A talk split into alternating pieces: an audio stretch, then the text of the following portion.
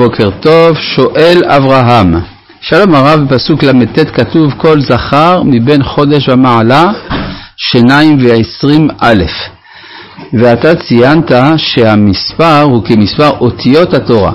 ייתכן שהתכוונת למספר הפסוקים, תודה רבה ויישר כוח. לא, לא התכוונתי למספר הפסוקים, התכוונתי שהתורה כתובה על ידי 22 אותיות, זה הכוונה.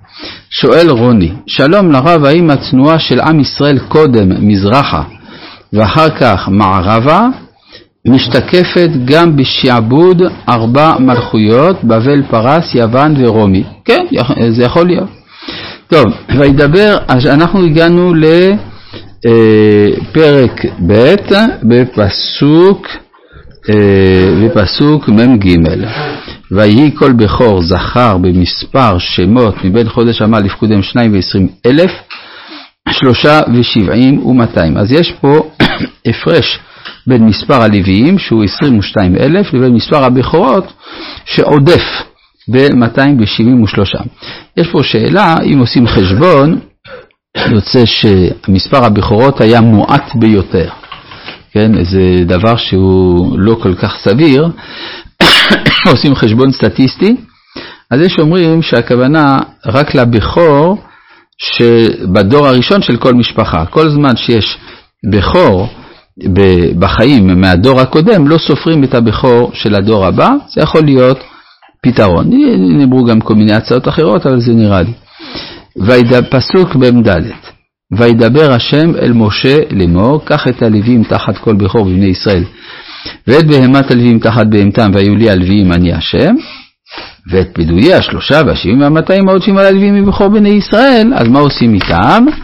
ולקחת חמשת, חמשת שקלים לגולגולת בשקל הקודש, תיקח עשרים גבירה שקל ונתת הכסף לאהרון ולבניו, פדויי העודפים בהם. זאת אומרת, מה שאנחנו עושים בפדיון הבן תמיד, זה נעשה פדיון דומה לזה בספירת הבכורות במדבר.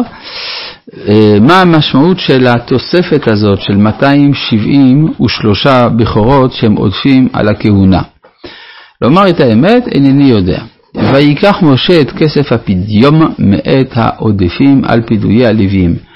אגב, הביטוי פדיום, בדרך כלל אומרים פדיון, אבל פה זה פדיום, זה אותו דבר, אבל יש כאלה שרצו לומר מזה שזה כמו פד יום, 84 ימים, שמי שמשתתף בסעודה של פדיון הבן נחשב לו כמי שהתענה 84 תעניות על קדושת הברית פד יום. אז שמעתי חכם אחד שאמר שזה באמת נכון, שזה כאילו התענה, זה בשביל מי שיש לו כאילו עבירות. מאת בכור בני ישראל. למה דווקא 84 תעניות? אה, 84. 84 יש לזה כל מיני משמעויות גימטריות על פי הקבלה.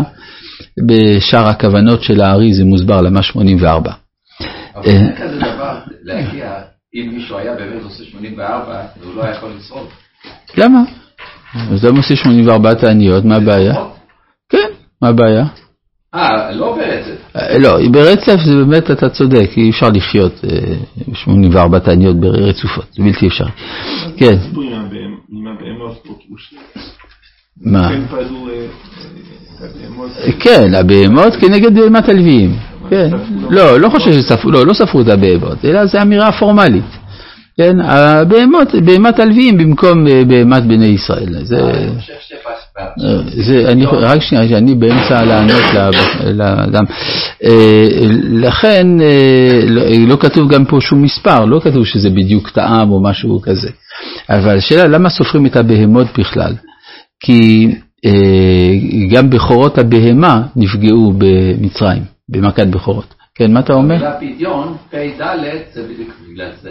אה, זה מעניין. אתה אומר פ"ד, יום, כן, זה מזכיר לי, מה שאתה אומר זה מזכיר לי את הרעיון שפדיום כתוב כאן עם מ', אז זה פ"ד יום. זה מעניין, כן, נכון. יפה. מאת בכור בני ישראל לקח את הכסף, חמישה ושישים ושלוש מאות ואלף בשקל הקודש. ויתן משה את כסף הפדויים לאהרון ולבניו על פי השם, כאשר ציווה השם את משה. אז זה פדיון הבן, אה, חבל על הזמן, הכמות של הכסף שניתנה זה היה חד פעמי, אמנם מענק חד פעמי לכהונה, כן, כהתחלת כהונה. עכשיו, אה, יש ספירה חדשה של הלוויים. עד עכשיו ספרנו אותם כנגד בכורות בני ישראל.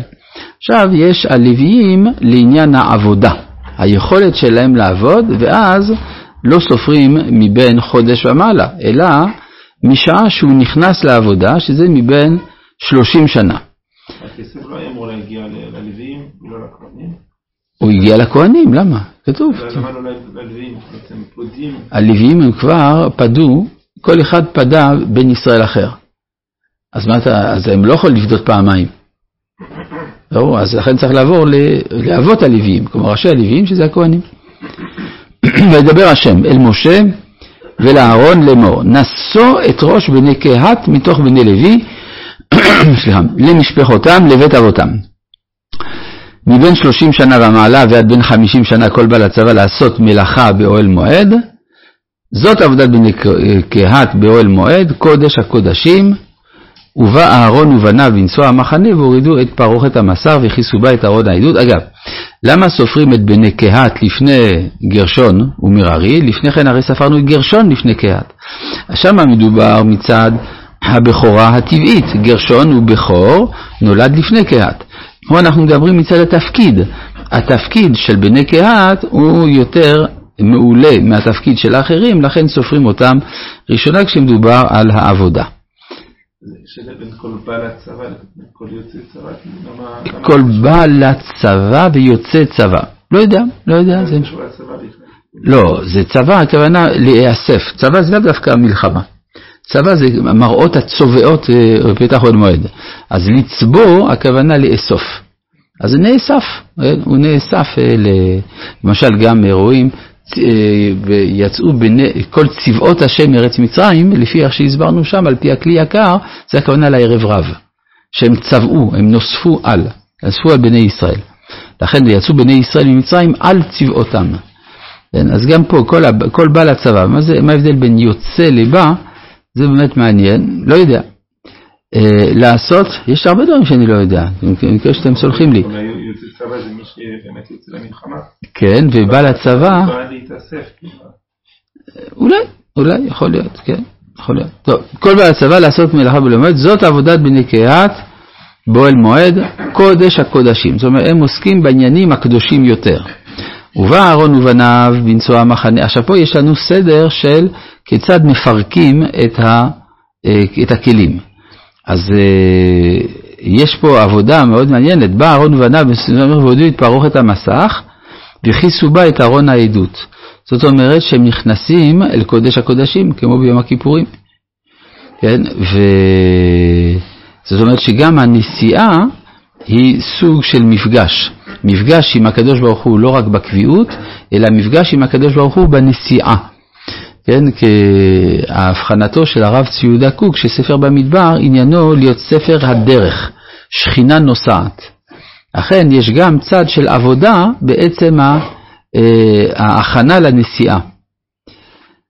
אז הפרוכת מכסה את ארון העדות, ונתנו עליה כיסוי עור תחש, ופרסו בגד כליל תכלת מלמעלה ושמו בדיו. לכאורה התחש זה כדי להגן, אז היה צריך להיות שהבגד כליל תכלת יהיה מתחת לתחש. אבל זה כמו שמצאנו גם ב... בארון הברית, מבית ומחוץ תצפנו, זהב טהור. אז השאלה היא, איפה הפנים ואיפה החוץ?